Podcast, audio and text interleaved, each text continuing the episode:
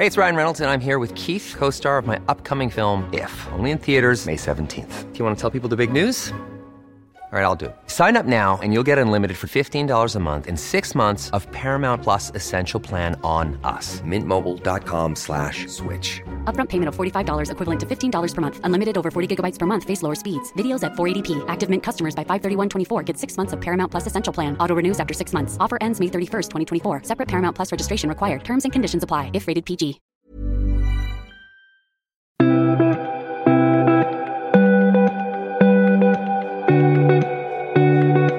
Vi fortsätter att besöka stjärnorna på Mallorca och nu har vi flyttat oss till Palma för de bästa restaurangerna. Lyxrestaurangerna, gourmetrestaurangerna och fine dining som levererar många rätter, eleganta rätter, experimentella rätter i kombination såklart med utsökta viner. Och såklart även i stilfulla miljöer och med bästa service. Jag, Karina och Jag, Carolina.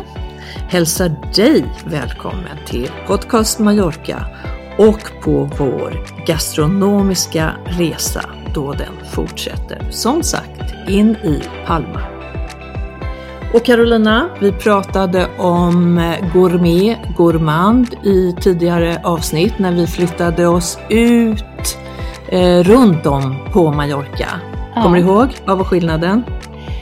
Ja, jag identifierar mig som gourmand, eller gjorde i alla fall, men jag måste inse att jag även är en gourmet. Och gourmand är de som äter allt, nyfikna på allt och eh, gillar allt. Gourmet är lite mer eh, finsmaklig och eh, är ute efter det bästa. Ja, och när vi pratar allt mer om det här så, så märker vi ju att du har ju varit på otroligt många gourmetrestauranger.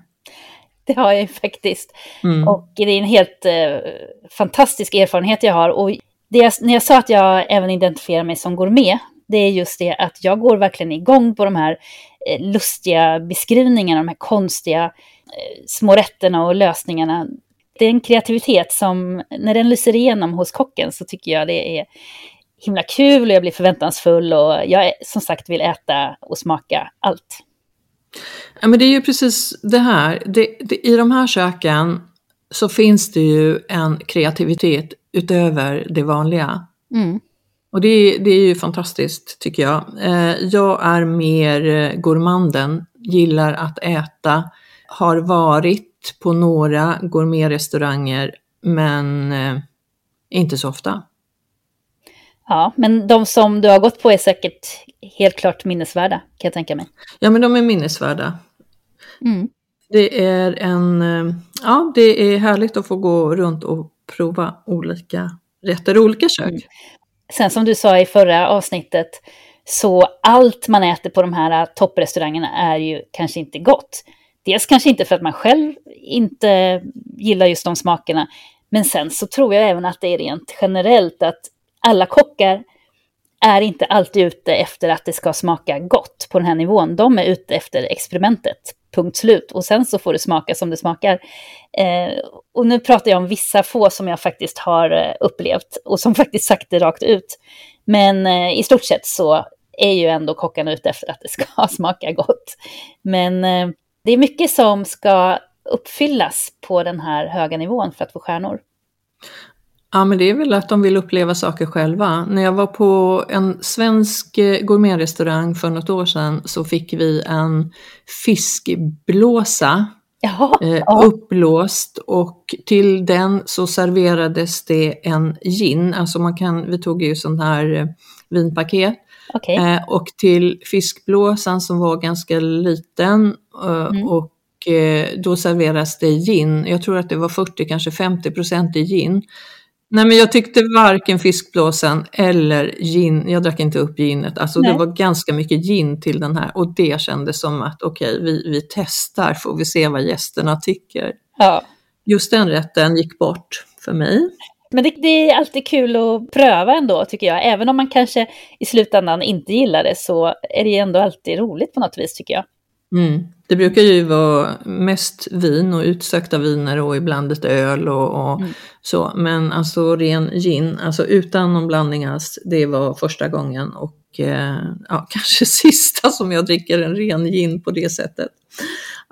Jag har också varit med om eh, just eh, olika slags eh, fiskrätter eller vad ska man säga, musselrätter som ibland har det har faktiskt vänt sig i magen på mig. Så att, eh, ja, och sen så, du och jag som är kvinnor, vi har ju också det här, jag kommer ihåg när jag har varit gravid under vissa stadier som jag inte kunnat äta en del mat. Och, och då gå på lyxrestaurang med lite konstiga rätter, det är ju nästan motbjudande. Men samtidigt så har jag också, med, minns jag under min graviditet, mina graviditeter, varit en sån som verkligen äter och äter och äter och gillar mat jättemycket. Så att, eh, det är mycket som påverkar hur man upplever smaker.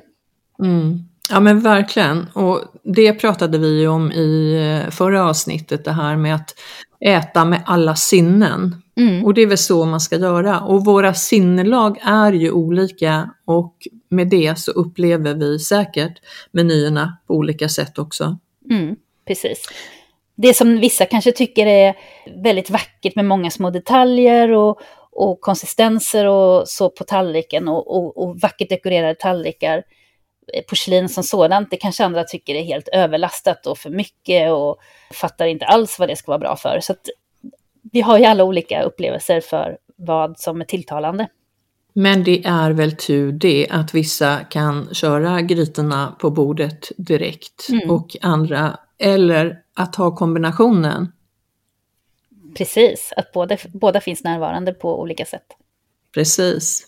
Du, vi sa att vi ska förflytta oss in i eh, Palma stad och då har jag en som vi hört talas om ganska ofta, en stjärnkrog, en stjärna. Mm. Eh, och vi ska säga att stjärnorna kommer ju och går, så vad som är aktuellt eh, om ett eller två år, det har vi ingen aning om. Nej. Vi pratar om nuet. Precis. Så det här är nuet och vi pratar då om en eh, stjärnkrog som den är nu, eh, Mark Fors. Där har du varit? Ja, där har jag varit, eh, även om det var ganska länge sedan. Och eh, jag har dels varit på restaurangen som sådan, men jag har också ätit Mark Fors mat i andra sammanhang för att han, ja, han gör lite gästspel och samarbeten och, och så, så att han kan dyka upp lite här och var i Palma faktiskt. Och utanför Palma, han var väl i Andratch också på galleriet där som heter CCA, om jag inte missminner mig. Precis, där var han eh, för några år sedan när jag var på en, en, invigning. Men när jag var där i somras, då var han inte där. Så att eh, det var någon slags tillfällig närvaro som han hade då. Men du, det här, vi pratar alltså om den här eh, brittiska kocken Mark Fors som tilldelats eh, den eh, första Michelin-stjärnan på spansk mark. Bara en sån sak. Precis, den enda hittills britten med en stjärna i Spanien. Ja. Restaurangen med Mark Fors, den ligger ju i eleganta omgivningar. Vet du vilket hotell? Hotellet heter Convente La Mission, tror jag. Det stämmer. Och då betyder ju konvent kloster och då ska det vara en del av det här 1600-talsklostret. Precis, det ligger på en liten smal oansenlig gata eh, ett eller två kvarter från Ramblan. Och eh, ligger vägg i vägg med själva klostret. Och det här är väl eh, ja, en del av klostret då. Eh, det gamla klostret som hotellet och restaurangen ligger i. Fast ett har ju blivit då ett modernt och skikt hotell, såklart femstjärnigt eh, när man bor där. Och här, i alla fall på restaurangen när man flyttar sig dit, så får, ha, finns det som alltid avsmakningsmenyer.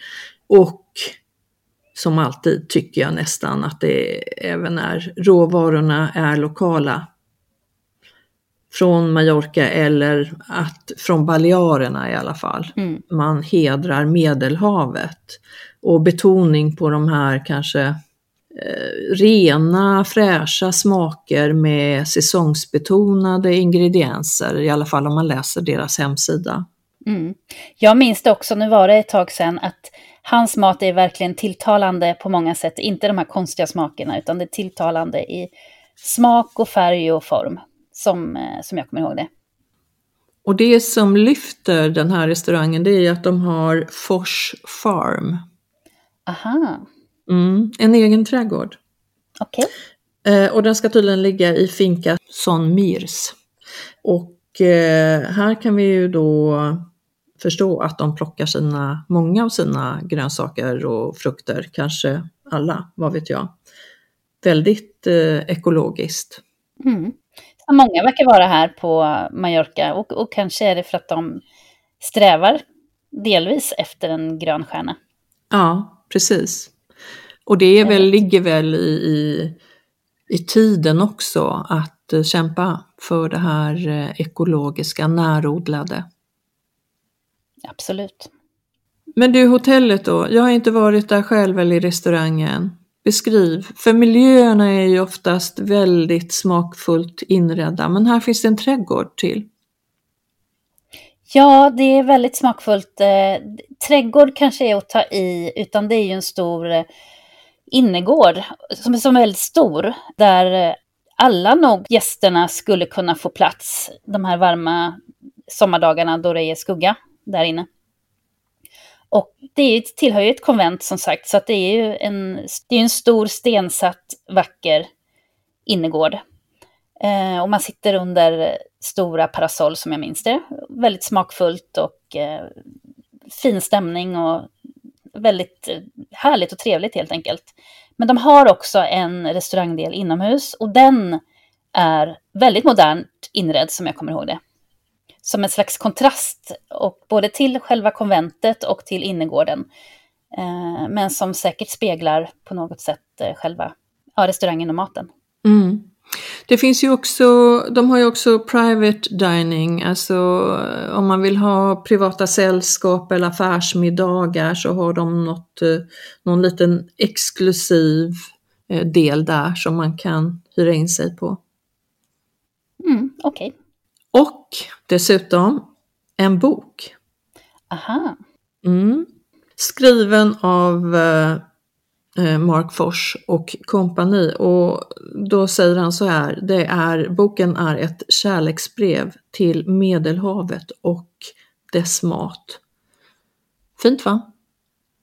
Mm, härligt. Jag kan tänka mig det som eh, britt om man kommer utifrån och eh, landar på den här ön så så kan nog kärleksrelationen bli väldigt stark. Det är i alla fall en bild jag har. Väldiga kontraster till den engelska maten, den traditionellt engelska ja. maten. Som ju, dels den engelska maten som sådan, men England, Storbritannien har ett så internationellt kök. Men här är det ju verkligen medelhavsköket som eh, Mark Fors som jag förstår har fokus på. Det finns ju kockar här som har fusionkök. Men eh, som jag har förstått det så har ju han verkligen, trots att han är britt, verkligen fokus på Medelhavet. Mm. Alltså nu tänkte jag inte klanka ner på engelska kockar för det finns ju fantastiska krogar i England också men den traditionellt engelska maten är väl kanske inte det vi tänker på när vi tänker på de här stjärnkockarna i alla fall. Ja, precis. De har ju fördelen av att de är så omgivna av så, så stort internationellt kök. Där finns ju verkligen allt när man kommer till London. Det är ju någonting som finns mer och mer av i Palma. Men ännu så har de ju långt att gå när det kommer till det internationella köket som finns i London. Där verkligen, ja, allt finns på väldigt mm. hög nivå. Men du, den här boken då, eh, förutom hundra mm. fantastiska recept så är det ju mm. som sig bör vara härliga fotografier. Det kan jag tänka mig. Så den kan man titta närmare på. Ja. Du hade varit på en annan restaurang tror jag. Precis, det här är faktiskt en av mina favoritrestauranger på den här nivån. Den heter Adrian Ketglass. Och det är en majorkin, men i alla fall så har han majorkinska rötter. Och han har en koppling till Mark Fors, därför att han har jobbat väldigt mycket med honom. Han är uppvuxen i Brasilien med en marockinsk far. Eh, som jag förstår så är han också uppvuxen med marockinska smaker, marockinsk matlagning, eh, också via hans farföräldrar, som också bodde där. Men när han flyttade till Mallorca, då var det Mark Fors som han började jobba med. Och eh, de fortsatte jobba tillsammans. Det här var innan Mark Fors öppnade sin nuvarande restaurang. Och de har även jobbat i Moskva tillsammans. Ja men vad fantastiskt och, och jag tror inte bara, ja de kanske har jobbat i Moskva men, men eh, han har väl varit London och Paris också? Ja, precis. Han har varit runt mycket och eh, det ser jag som en stor fördel för kockar att eh, ta till sig inspiration från andra länder. Men Moskva är faktiskt där han var längst. Han var där i tio år och på många olika restauranger. Och den sista restaurangen var hans egen. Och efter det så flyttade han då hit och öppnade sin egen, med sitt eget namn, Adrian Kerklas. Och det som sticker ut med den här restaurangen, det som gör att jag tycker så mycket om den, är att den är så tillgänglig. Det är fine dining väldigt mycket, men han skriver själv att han vill demokratisera fine dining. Eh, han ligger på en väldigt populär gata, där på Paseo Mallorca, längs eh, Eh, den här torrenten som eh, delar Santa Catalina med eh, innerstaden här i Palma. Och det är en sån, det är verkligen en restauranggata. Man sitter under arkader och restaurangerna ligger vägg i vägg i vägg i vägg längs den gatan. Och varje fredagkväll, lördagkväll är det så otroligt bass där. Det är dit eh, eh, ja, Palmaborna själva går i väldigt hög utsträckning för att eh, mingla och umgås och träffa vänner och äta gott. Och det är då den bästa restaurangen på den gatan. Det är, det är bra restauranger i största allmänhet, men det är verkligen den som sticker ut. Um, men hela idén är också att uh, han har alltså två avsmakningsmenyer. En med fem rätter, en med sju rätter. Och de är väldigt väl prissatta. Uh, den för, med fem rätter kostar, nu beror det på vem man jämför med, men om jag tittar runt på de andra stjärnrestaurangerna så är det bra prissatt. Den med fem rätter kostar 45 euro och den serverar han som lunch. Och den för sju rätter är 75 euro och den serverar han som middag. Och på lördagar kan man ha den som lunch dessutom, om man vill. Eh, något annat som jag också gillar med hans eh, mat, det här med att demokratisera, det är att han vill um, han har väldigt kreativa rätter och han använder de här teknikerna, de här kemiska teknikerna. Och det är lite grann för att visa upp, tror jag i alla fall, vad man faktiskt kan göra. Det blir liksom lite spännande i, i texturer. Smakerna är ju en sak som han jobbar med. Men det man gör med de här kemiska teknikerna är ju själva texturen. Eh, jag ska se här, jag ska faktiskt upp lite exempel på det. Men jag tänker till exempel på här i sjurättersmenyn. Eh, då finns det en rätt som är tryfferad hjort. Då är det de här lyxingredienserna. Det är tryffel och det är hjort. Men då har de en svär. Han har gjort en svär på hjortens paté. Och svär, det är alltså någon typ av, av glob så att säga, som när man stoppar den i munnen så går den i, i bitar. Men att det ja, det är väldigt speciellt helt enkelt. Det är inte något traditionellt över det. Vi har någonting som heter Lobster, eller hummerkräm ska jag säga, med herb sponge. Och det där kan ju bara tala till fantasin. Hur gör man en sponge på, på kryddor eller på örter? Sponge kopplar jag till att det är något lite liksom tvättsvampsliknande, att det, att det studsar tillbaka när man, när man trycker ner en gaffel på den. Jag, jag vet inte, det är sånt där som jag går igång på som jag tycker är himla spännande. Jag skulle väldigt gärna vilja se hur det ser ut på tallriken och hur det funkar liksom när man, när man börjar äta på den. Men många gånger så är det ju också utseendet som, som har betydelse. Det var vi inne på tidigare också. Ja. Det kanske ser ut som en svamp. Eller så har den ja. en, ja nu, snillen spekulerar. Eller så har det liksom eh, bara det här lite svampiga konsistensen. Ja. ja, man vet inte. Men det är så kul också. Det här känner jag en väldigt, eh, han har väldigt roliga menyer. Eh, det, ska, det ska vara roligt och spännande och, och, kul om man kan prata om den tillsammans vid bordet. Och, ja, det, det, det tilltalar mig väldigt mycket. En annan rätt är konfiterad anka. Då är den alltså kokt i sitt eget fett. Och till den hör grapefruktluft. Och det kan man ju också undra. Alltså air är det beskrivet på menyn. Hur är grapefruktluft på tallriken? Um, är det som en doft bara eller är det någonting man kan se och ta på och smaka eller vad är det för någonting? Det, det är sånt där, sånt där tycker jag är roligt. Men så finns det också det marockinska. Eh, här står det till exempel en rätt på sjurättersmenyn är spädgris med svarta kantareller. Och spädgris äts det mycket här traditionellt. Svarta kantareller växer ute i markerna. På vintern faktiskt. Eh, det är väl därför det finns på menyn just nu. Eh, så att han, han gör en bra blandning av det traditionella, av fina råvaror, av eh, lite spännande lösningar, kemiska texturer och sådana saker. Eh, jag, jag, jag, jag, tycker sånt är roligt. Ja, och på femrättersmenyn då, som är lite billigare, så börjar han med eh, tonfisk med jordnötsglass. Det är alltså förrätten. Och just den här kombinationen eh, jordnötter eh, gjord som glass. Det kanske inte är jätteannorlunda, men eh, jag minns första gången jag åt en slags glass som förrätt så var det tomatglass. Och det tyckte jag var jättehäftigt och väldigt, väldigt liksom annorlunda. Den krocken mellan två traditionella eh, rätter. Alltså glass som man ofta äter som efterrätt och tomat som man äter ja, som förrätt, varmrätt. Och sen fusionera ihop det till en förrätt, det tyckte jag var jättekul. Och sånt där ser man ju lite då och då. Det är inte någonting som alltså Adrian Ketglass har hittat på själv, utan det är ju någonting han har hämtat.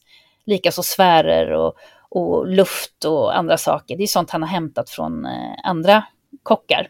Men det är väldigt fint det här demokratiska, att han lyfter fram det och visar att eh, så här kan man göra och eh, det är en väldigt rolig del av matlagningskonsten. Men det är väl där det här experimentella kommer in också, det här lite spännande. Och det är klart att från varje sån här stjärnkrog eller övriga krogar också för den delen så, så är det väl att man måste ju hitta på någonting eget också.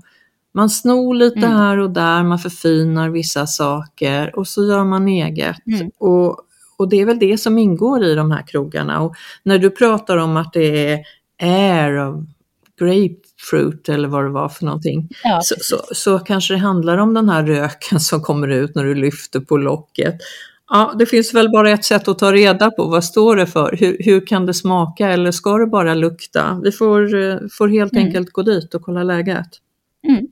Mm. Det, är en, det är en upplevelse, precis som Alltså som, det är ju också faktiskt underhållningsbranschen har ju det blivit detta. Mat är ju någonting nödvändigt som vi alla måste äta. Men om man ska lockas ut till restaurangerna så på den här nivån så, och om man då ska kunna ta lite högre priser, då måste man eh, ja, överraska och bjuda på nya saker. Och eh, även för att få en stjärna mm. givetvis, då måste det vara något eget personligt nytt. Men också det här att man lyfts med in i, i det här experimentella i köket. Alltså eh, när vi var i Sydafrika för ett antal år sedan, då var vi också på mm. en fine dining och en av rätterna fick man förflytta sig in i köket. Så man fick vara med Jaha. och uppleva. Och, och, det ser man ju idag, många moderna har ju öppna kök. Men här satt man då mm. liksom ja, man satt inne i köket till och med och, och det skapade, ja det förstärkte liksom upplevelsen än mer. Mm. Då satt man alltså omgiven ja. av kockarna yes. menar du? Mm. De lagade under tiden. Jag känner igen det där också, men min mest starka upplevelse av det här att förflytta sig var på en restaurang som inte jag minns vad den heter, men den låg på landsbygden i Baskien. Och då börjar man i deras trädgård med en rundvandring och man blev rundvisad. Och sen helt plötsligt mitt i en eh, växt så satt det små matbitar, små munsbitar som alltså var de här eh, aptitretarna. Och då, då var de alltså utplacerade för gästerna. Och så fick man smaka på dem och så berättade den här eh, kocken som visade runt oss kring den. Det tyckte jag var kul. Ja, det gäller verkligen att vara påhittig och komma på det där nya. Mm. Mm. Och verkligen bjuda in till, till den här liksom världen som kocken och restaurangen står för. Ja men precis. Men, men det jag tycker är mm. fint med restaurangen som du nämner nu, det är att det finns, eh, alla finns ju inte lunchmenyer, men det gör det ju här och en, en mm. femstegs avsmakningsmeny. Och också då kvällen mm. med en sju, eh, sju rätters avsmakningsmeny.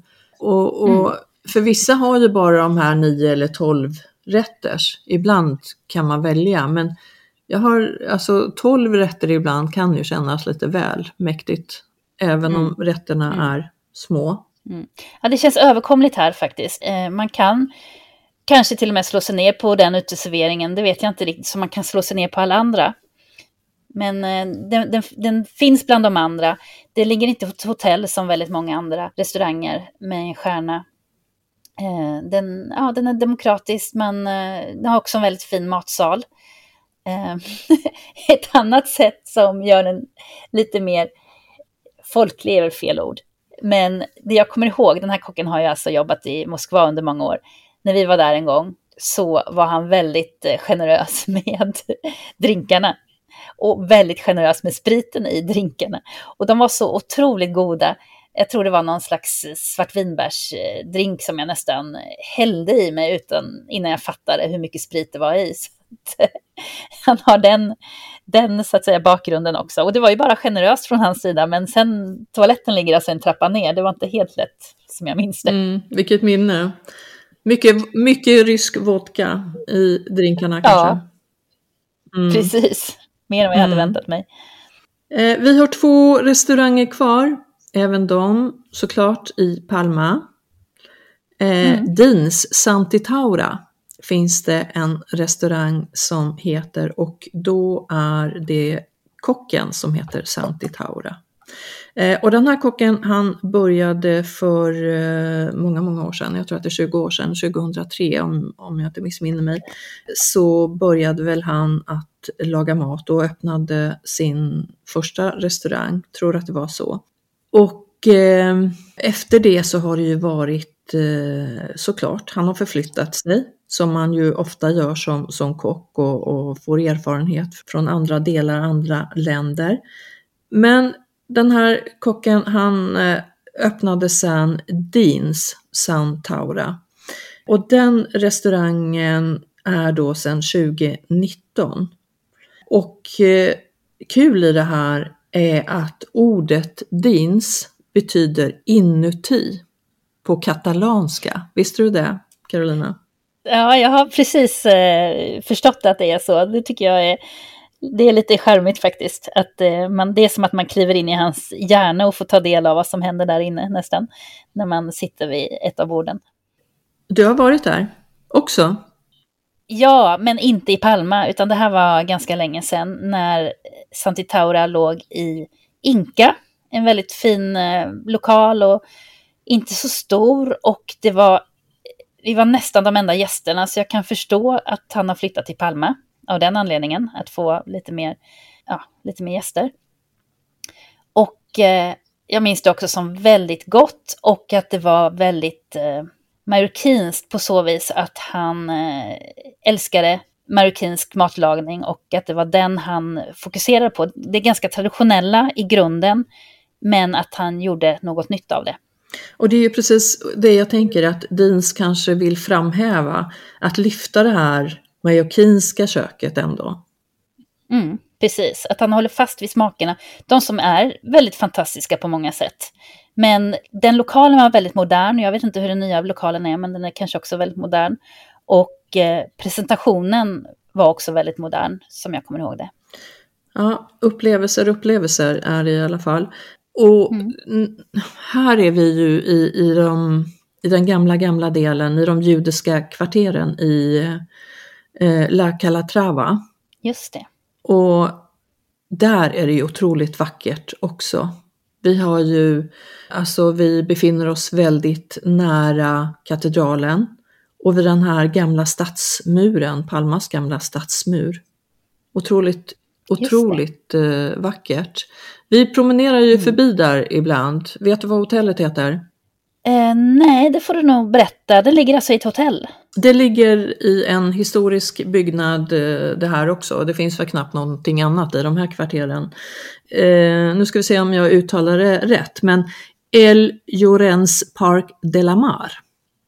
Jaha, det är alltså namnet på hotellet. Det är det, är det hotellet, precis. Och i, eh, i, inuti hotellet där så, så ska Dins eh, Santitaura då ligga. Och Mm. man kan väl säga hotellet i sig är ju otroligt vackert eh, och ja, men också modernt. Insprängt i de här mm, traditionella historiska gamla byggnaderna och har ju en härlig eh, takterrass. Om det är för allmänheten eh, ska jag låta vara osagt. Men för hotellgäster så ser det magnifikt ut. Jag är väldigt fascinerad över hur eh, det lyckas öppna så många nya hotell mitt inne i Palmas gamla stadskvarter. Eh, för man skulle kunna tänka sig att eh, man inte får lov att göra så mycket eller att det, att det kanske inte finns så mycket kvar. Men det finns ju så många stora palats som eh, har stått tomma väldigt, väldigt länge och jag tror att det är för att det är alldeles för dyrt helt enkelt att eh, renovera upp dem. Det krävs en hotellgrupp, det krävs eh, lite finansiell styrka för att, eh, för att ta sig an de här fantastiska palatsen som ligger, de ligger liksom gömda där. Man, det är knappt att man kan ana dem utifrån eller man ser bara en enorm vägg med små fönster. Men sen så är det ju på insidan allting händer. Det är där det är så vackert. Det finns stora innergårdar, fantastiska salar med kanske både golv och tak som är väl utsmyckade. Ehm, Ja, de är helt eh, magiska. Det är mycket som finns gömt inne i Gamla stan som man kanske inte riktigt ser från utsidan. Och jag tycker det är helt underbart att, eh, ja, istället för att de står övergivna, att eh, hotell tar sig an de här byggnaderna. Men, men det är ju värt att rekommenderas att man går i Calatrava-områden runt katedralen. Judiska kvarteren finns ju här som jag sa också, små trånga gator mm. med de här vackra gamla palatsen. Och, och många mm. av de här hotellen, även om de gör det modernt, så bevarar de mycket av det här gamla som går att bevara. Mm. Jag tror säkert de i många fall måste göra det också, beroende på vad det är för slags palats. Eh, och de gör det ju, de, de har ju råd att göra det, de kan ju göra det och det blir, ja det är fantastiskt att det, att det görs. Ja men det är fantastiskt också att det är kulturmärkt på det sättet och att, att det bevaras. Mm. Absolut. Vad skulle jag säga mer om din Santitaura? Eh, gör ett besök där för en stjärna, en Michelinstjärna och så två mm. Repsol. Vad har vi då? Vad är det för stjärnor? Ja, just det. Det är, Repsol är ju en spansk eh, bensinkedja. Eh, så att precis som Michelin är ju en fransk däckfirma. Det är ju de som började, alltså Michelin var det ju som började att eh, göra den här guiden som skulle rekommendera restauranger som man kan nå med bil. Och då kanske Repsol har, har gjort något liknande helt enkelt. Eh, men det är ju då fokus på spanska restauranger. Precis, som motsvarigheten till Michelin eller Guide Rouge eh, så har de mm. då två Repsol, en Michelin. Mm. Och sen kan inte jag säga om det betyder motsvarande två stjärnor i Guide Michelin, det har jag faktiskt ingen aning om tyvärr. Ja, men fint är det i alla fall. Det har mm. väl någon betydelse mm. att, att man har fler stjärnor, kan man tro. Mm. Självklart. Och kanske är det fokus på det traditionellt spanska i den guiden, det vet jag inte heller, men eh, den här restaurangen verkar ju verkligen ha förkärlek till den, de lokala mm. traditionerna. Mm. Så det kanske skiljer sig lite från de andra, eller kanske bör skilja sig lite från de andra också för att få just stjärnor. Mm. Men du, vi har en eh, annan restaurang i Palma och kanske den sista av de fyra. Då är vi inne på totalt eh, 10 av 10. Precis, den fjärde i Palma och den tionde på Mallorca. Och då tänkte jag prata om Saranda. Och Saranda ligger inte alls långt från eh, Santitaura. Eh, det ligger ju också i de här, om man fortsätter muren framåt och kommer fram till den här gamla försvarsborgen som just nu håller på att renoveras Eh, då finns det ett eh, stort hörnhus precis innanför den borgen. Och i det hörnhuset har ett hotell invigts för några år sedan. Det heter S Princep. Och eh, i det, det är ett femstjärnigt lyxhotell. Och i bottenvåningen då så ligger Saranda. Saranda har egen ingång, ska jag säga, så att man inte behöver gå via hotellet. och det här är egentligen ganska udda placering på ett hotell, för att det ligger liksom inte bland alla de andra men eh, samtidigt så, det, jag, jag har förstått att det är väldigt eh, populärt och jag tror även bland svenskar. Fint gammalt hus med en eh, pool på taket och det måste vara en helt magisk utsikt över havet och alla omgivningar. Där har jag ätit. Du har ätit på Saranda? Jag har inte ätit på Seranda, jag har ätit på, för det finns ju en restaurang eh, på takterrassen. Okej. Det är en magisk utsikt, den ligger ju som sagt inte så långt från, eh, eh från tidigare restaurang, Din Santaura, mm. som vi pratade om. Och den har ju också en magisk utsikt över eh, Palmabukten. Mm. Det förstår man när, man när man ser, när man går nedanför så ser man ju parasollen sticka upp. Så man inser att det där måste vara rätt häftigt att eh, bo på det hotellet. Och, eh, men även som du säger, om man då kan gå på restaurangen utan att vara hotellgäst där uppe. Det är ju häftigt. Absolut, man kan gå dit och ta en drink också, det kan jag rekommendera. För det är väldigt vackert att sitta där och titta ut över eh, alla båtar över bukten där, över hamnen. Så man kan både äta på Härligt. restaurangen, på takterrassen och, eh, och eller ta en drink. Härligt. Men Saranda då, det ligger ju alltså i eh, bottenvåningen. Och det finns flera saker som är intressant man kan säga om den. Den har faktiskt en gång haft två stjärnor. Men då låg den på ett annat ställe. Då låg den i ett hotell som heter Son Claret. Som ligger helt och hållet på landsbygden eh, i Kalvia tror jag det var och sen så ja, långt från havet eh, väldigt vackert. Och där har jag bott en gång och åt på Saranda när den låg där och hade två stjärnor. Den har alltså bara en stjärna nu, men hela anledningen är att man kan inte flytta en restaurang och automatiskt få med sig stjärnorna, så då måste den jobba upp stjärnorna igen från början. Och eh, nu har den då precis fått sin första stjärna på det här nya stället, där den ligger nu i Palma. Och jag kan gott tänka mig att den siktar på att få tillbaka den andra stjärnan också. Kocken på Saranda heter Fernando Perez Arellanos och han kommer från eh, Madrid. Och det var där han eh, fick sin första stjärna på en ganska liten restaurang. Eh, han bytte upp sig eh, till en, ja, flyttade till en annan restaurang och sen så kom han då med hela teamet till Son Claret på Mallorca. Och han, alltså han, en, en hel del kockar på den här nivån, de är med ute vid, i matsalen och presenterar rätterna och pratar gärna. Och han var en sådan som gärna var närvarande och pratade väldigt mycket. Och var verkligen engagerad, kreativ, passionerad. Um, och han var passionerad för den marockinska maten, trots att han inte började på Mallorca. De marockinska råvarorna framför allt. Allting som uh, jag tror nästan lite överraskande eh, fanns för honom här. I Madrid så, så måste man ju flyga in allting i stort sett även om man kan flyga in de bästa råvarorna så, så är det ju inte om hörnet. Men på Mallorca så finns det ju, ja precis som hörnet. Och han gjorde också eh, fina, små fina munsbitar som en hel del kockar också gör. Med färger, former, mycket kreativitet, eh, speciella uppläggningar. Eh, och här på Saranda i Espinicep så har jag tittat på menyerna. Han har tre olika menyer. Och om man ser till prissättning så är det helt andra priser än vad Adrian Kirklas har. Det var därför jag sa att det var bra priser där, för att här är man uppe på 125, 145 och 165 euro per meny. Men den största menyn då, för 165 euro, nu pratar jag om så som det är i år, jag kan ju inte säga vad som händer senare med priserna, men eh, den har alltså sju stycken varmrätter, den har tre efterrätter, tre förrätter och faktiskt ända upp till sex sådana här små, jag kallar det för munsbitar. Eh, jag tror man bara tar dem med, med, handen och så stoppar man in dem i munnen och så njuter man av alla smakerna. Och de här små munsbitarna då eh, serveras i baren, precis som du sa innan att man börjar på ett annat ställe än där man, där man sätter sig vid bordet. Och här börjar ni i baren och eh, hela Saranda är uppbyggt ovanpå ett gammalt eh, lädergarveri. Och det här, de här maskinerna, de ser man genom en glasskiva i golvet.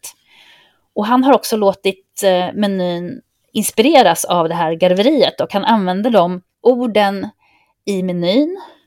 Och min känsla är, utan att ha smakat eller sett, är ju att han även faktiskt... Eh, alltså att garveri, det är ju lädret, det är ju skinnet på, på ett djur som man, som man behandlar på ett väldigt bra sätt. Och jag tror att till exempel fiskskinn, eh, grönsaks... Eh, eh, vad ska man säga, säger man skinnet på en, på en grönsak, på en tomat till exempel, att det är det han jobbar med. Skalet. Skalet, precis. Ett eh, fiskskinn kan ju vara den godaste biten på en fisk. Om det är, väl, om det är krispigt och eh, välkryddat och behandlat på olika sätt. Så eh, jag, jag vet eh, de som petar bort skinnet för de inte gillar det, men jag tycker att fiskens skinn kan faktiskt vara bästa delen. Men det är kanske också för att jag upplevt det på vissa restauranger på den här nivån, hur otroligt gott det kan vara. Men eh, jag inbillar mig att det är så han jobbar delvis, med inspiration då av det här garveriet. Eh, det man ser också på de här menyerna, eftersom då det är lite högre nivå på priserna, är ju att han dessutom då har bra råvaror. Han har svart kaviar, han har eh, ostron, marulk och duva, som det ser ut just nu på, på menyn som man har här och nu när vi talar. Det, men jag tror man, eh, om man är beredd att betala det här så får man verkligen eh, valuta för pengarna skulle jag gissa. Men Carolina, du sa i det här uh, garveriet och därav så kommer ju då namn, man har ju namngett de olika menyerna från mm. Eh, den, eh, den första, den eh, billigare, billig ska mm. vi inte säga, den billigare just nu, hypodermus, dermis och epidermis. Och då vet ju jag som är sjukvårdsutbildad att det här betyder ju då, vi börjar längst ner med den billiga, det, det är underhuden. Dermis betyder mellan, alltså läderhuden och epidermis betyder överhuden. Så överhuden är i det här fallet den dyrare varianten. Aha, det här visste jag faktiskt inte. Vilken tur att jag har en barnmorska med mig här. Ja, eller hur. Det hade jag ingen aning om. Mm. Men det jag också ser på menyerna hur de eh, har namngetts så är det ett eh, prolog, eh, the main act, och eh, epilogen, the sweet epilogue. Så att eh, han vill också, förutom det här att han inspireras av garveriet, så verkar han också inspireras av eh, berättelsen och av eh, en, en teater det här main act är ju väldigt tydlig koppling till teater. Så att jag kan tänka mig att han eh, verkligen, för honom är upplevelsen i, i, rummet och den dramaturgiska upplevelsen av hans rätter viktig också. Det finns en story utifrån varje precis. rätt. En story, mm. precis. Både som kommer från galleriet, som kommer från Mallorca, som säkert kommer från hans eh, bakgrund och som, eh, som kommer från eh, ja, rätterna som sådana, hur smakerna utvecklas. Man börjar ju ofta, man måste ju börja egentligen med något ganska milt. Så att inte man dövar smaklökarna precis i början. Så att man inte upplever milda smaker sedan. Eh, man kanske kan ha någonting som sätter fart på smaklökarna men det får inte bedöva. Så man börjar ofta milt och sen så bygger man upp det i smakerna och sen så det söta slutet då som är ju, det är ju verkligen en del av mattraditionen kanske världen över att eh, vi vill avsluta med något sött. Så, så funkar kanske mänskliga smaksinnet, jag vet inte. Men många gånger är det ju också så att vi byter den här eh, ost, ostarna, ostbrickan som vi då tidigare i alla fall har lagt på slutet. Många mm. gör ju det fortfarande men jag upplever att, att det finns krogar idag som börjar med de här goda smakrika ostarna.